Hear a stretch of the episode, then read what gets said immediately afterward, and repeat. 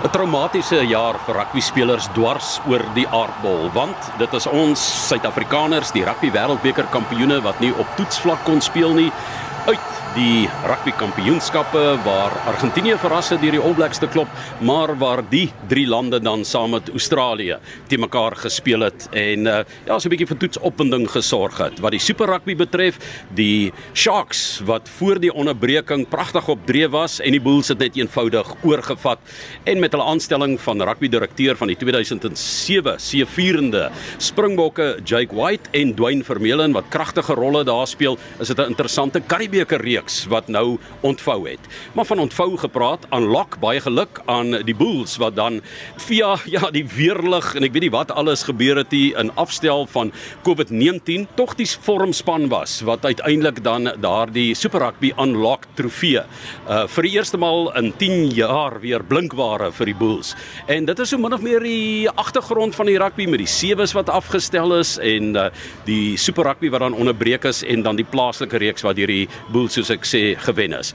Maar die Karibeker met die Springbokke terug, bring weer die gloriejare vir ons terug. Eers was daar met Naasbota die 5 goue jare van Noord-Transvaal rugby. En een van die spelers daar was 'n ortopeed, Dan Du Plessis, maar ek sit met 'n ortopeed hier by my dis Diwan Serfontein van die Hoërskool van 'n Builpark. Kom hy af na die Maties toe onder 20 en vir die onder 20s Diwan het jy saam met Pieter Kirsten die bekende Suid-Afrikaanse kriketspeler gespeel met die Engelse wat nou hier is by ons. Het julle ooit kriket gepraat op die rugbyveld?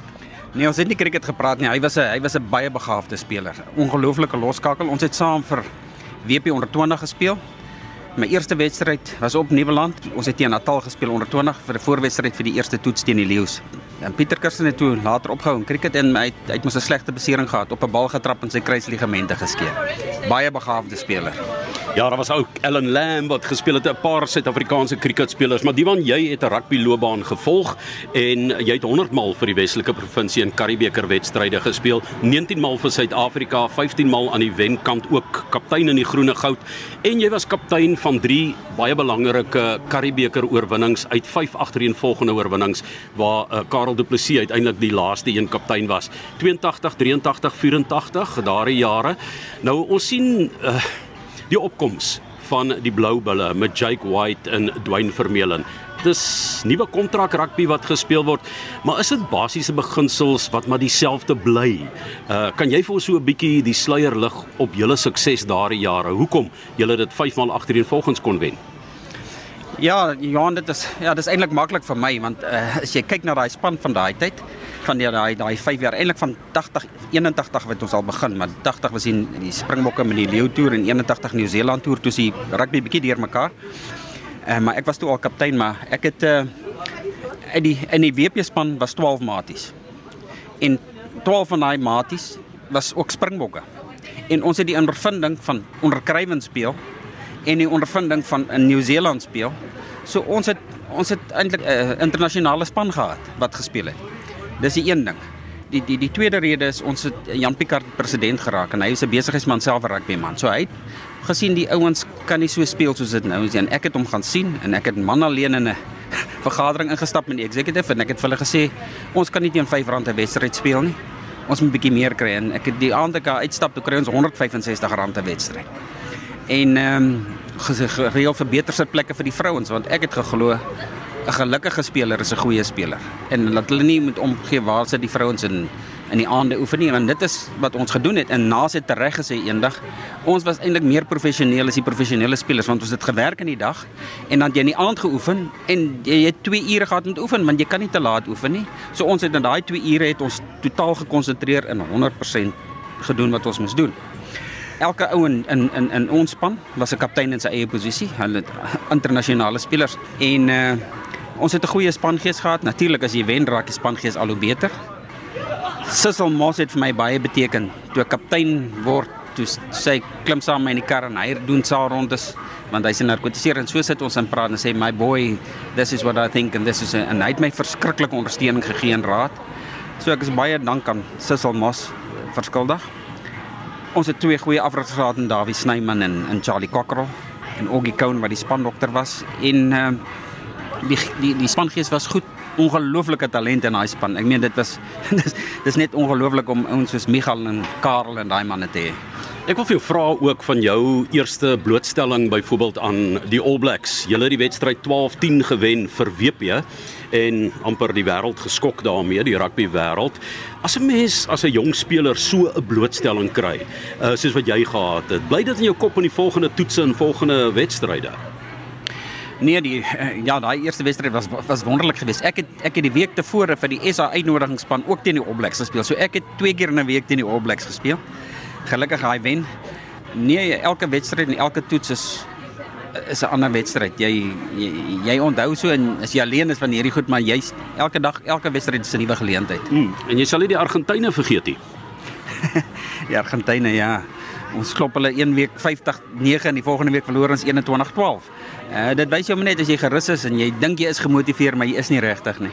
Was dit die Ugo Porta wedstryd? Ja, ja, in Bloemfontein wêreldklas speler en een swaalkie het 'n somer verander daardie daardie slag maar jy weet ons sien baie keer soos byvoorbeeld Argentinië wat nou die All Blacks vir jaar geklop het ehm um, Suid-Afrika weet teen Japan verloor het in die wêreldbeker uh, jy weet daardie uh, treurmare ehm um, dit is goed wat kan gebeur sodra jy dink jy is goed so almal wat nou in die Karibeker ingaan vir jaar en wat dink hulle is goed Eh, mag dalk 'n verrassing of twee kry selfs teen die Griquas of die Pumas, né? Ja, nee, verseker, ou moet altyd altyd 100% reg wees in uh wanneer ou wanneer ou maklik verloor is as jy as jy as jy 'n groot wedstryd gehad het. Uh en ons het ek onthou ons het net die klubkampioenskappe gewen.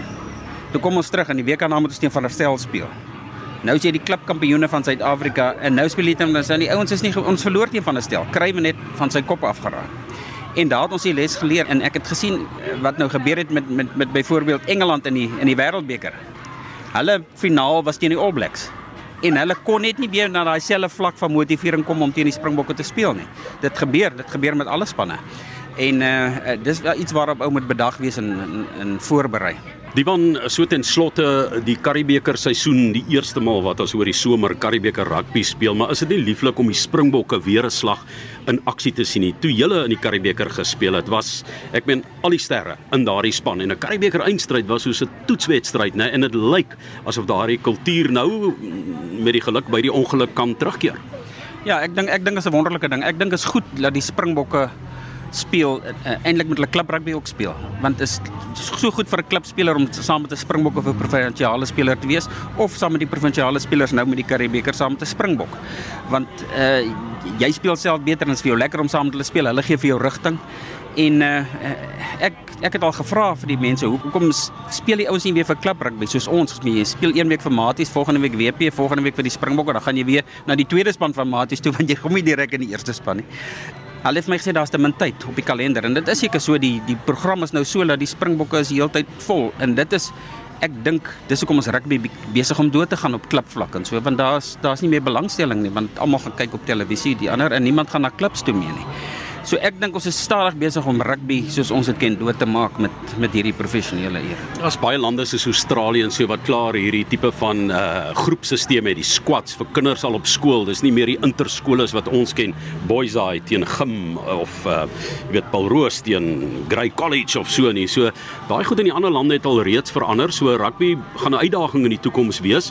Is jy opgewonde oor die rugby wêreldbeker wat ons verower het? Rassie wat amper ook die spelers soos jy gesê het, elkeen 'n kaptein in eie posisie gemotiveer gekry het vir daardie wedstryd wat 'n baie slim skuif was. Miskien iets wat uit julle daai die 5 goue jare uitkom. Ja, ek dink ek dink Rassie het baie goed voorberei en hy het hy het die regte span gekies. Uh en natuurlik om 'n Engelsman te wen is die lekkerste ding wat daar is, maar uh Ehm um, soos ek sê, uh, as jy as jy regtig kyk objektief na die ding, behalwe dat ons so bly is dat ons as as Suid-Afrikaners dit gewen het. Ons moes eintlik die wedstryd teen Wallis die vorige wedstryd of verloor het of gelyk op gespeel het weens daai strafskop. Engeland was ongelooflik teen Nieu-Seeland. So uh en en soos ek gesê het, hulle het gedink, hulle het klaar die wedstryd gewen voor hulle op die veld gedraf het in hulle koppe. En dis 'n gevaar. So die goed het mooi geval vir ons. En uh, maar jy vat wat jy kry net 'n laaste voorspelling van jou kant af met die kurwe van die Blou Bulle in die Karibeker met uh, Dwayne Vermeulen se prominente leierskap daar en Jake White as direkteur van afrigting wat 'n uitgeslaapte uh, afrigter is. Ehm um, Is hulle dalk in 'n bouproses soos wat julle was met julle 5 goue jare? Ek weet nie ek, ek, ek hulle sal seker dit graag wil doen want as jy sien dis kyk Jake White het een manier van afrig en dit was die blou bulle altyd. Hy kies altyd 'n verskriklike pak voorspelers en 'n goeie loskakel wat skop en so. So dit is hoe hy rugby sien. En ehm uh, met Dwayne Vermeulen maak 'n groot verskil in enige span. Nie net as kaptein nie, maar sy verdediging is hy's baie goed met verdediging organiseer en hy's 'n fisiese speler. So sy teenwoordigheid gaan 'n groot verskil maak. En uh, hulle het goeie goeie voorspelers daar en goeie spelers ook in die agterlyn wat hulle kan gebruik. So uh, uh miskien bou hulle. Ek weet net nie hoe lank dit sal hou nie. Uh, ek hoop WP kom reg dat dat hulle hulle kan wen. Want ou weet nie wat gebeur as hulle nou skielik 'n wedstryd verloor of 'n wedstryd of twee verloor nie. Wat maak jy dan? Want dit is dit is die groot gevaar. Alles gaan goed tot jy een of twee wedstryde verloor wat jy dink jy gaan nie verloor nie en dan moet jy jou foute soek en probeer verander en die vinnige migrasie van spelers ook 'n groot faktor. Ouens wat gekoop word deur die buiteland en dis geld. Dis dis 'n beroep deesdae. So dit speel 'n baie groot rol in spanbou. Dat ouens sê, "Hoerie, ek is nou ongelukkig met my Unie. Kyk by WP gaan dit moeilik op die oomblik. So mense kan verwag dat van die groot spelers dalk die Unie kan verlaat op die oomblik, maar dit mag oor 2 of 3 jaar verander en so kan alle Unies daai uitdaging hê, né? Nee, verseker. WP WP is eintlik 'n 'n tragedie. Ek meen ons harte is almal seer, want WP is nou in so gemors. Ek meen dit is eh, ek weet nie of WP ooit gaan regkom nie en ek dink nie hulle gaan meer spelers hê na die einde van die jaar of oor 'n jaar nie, want jy gaan nie speel in 'n unie wat nie geld het nie en jy's nie seker jy te werk nie. Jy gaan ander werk soek. So uh eh, wys jou administrateurs kan 'n unie op sy knieë bring. Nou ja, Paul Dobson het 'n groot uitdaging, die afrigter daar. Dit was Divan Serfontein, voormalige Springbok eh, kaptein en betrokke in die 5 goue jare van WP rugby toe hulle 5 agter in volgende jare die uh eh, Karibeker gewen het. 100 maal in die WP in die streeptry en 19 maal in die groene goud waarvan hy vir beide ook kaptein was.